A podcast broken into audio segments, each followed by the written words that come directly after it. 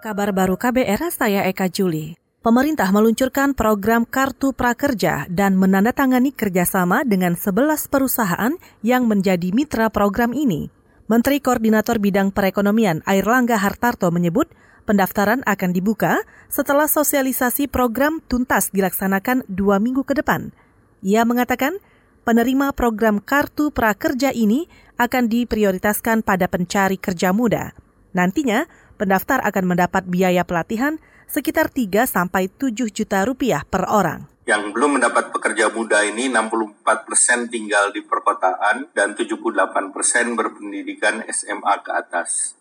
Dan pemerintah menyadari bahwa 90 persen dari mereka tidak pernah mengikuti pelatihan yang bersertifikasi. Menko Bidang Perekonomian Airlangga Hartarto juga mengatakan, Uang tersebut akan digunakan untuk mengikuti berbagai pelatihan yang mereka pilih.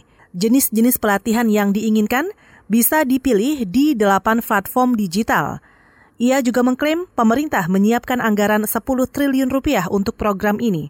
Targetnya 2 juta pencari kerja muda.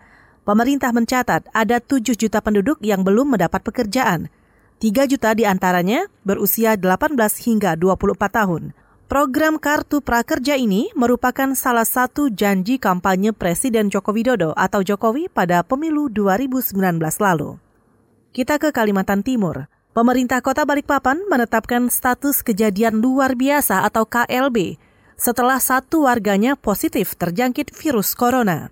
Wali Kota Balikpapan Rizal Effendi mengatakan, mulai hari ini PNS bekerja dari rumah. Semua kegiatan-kegiatan kemasyarakatan yang mengundang jumlah masa yang besar kita tunda dulu saudara-saudara sekalian untuk menjaga agar penyebaran virus corona ini tidak terus berkembang dan kita bisa mencegah meminimalisir jumlah yang positif. Ya mudah-mudahan hanya satu yang terjadi.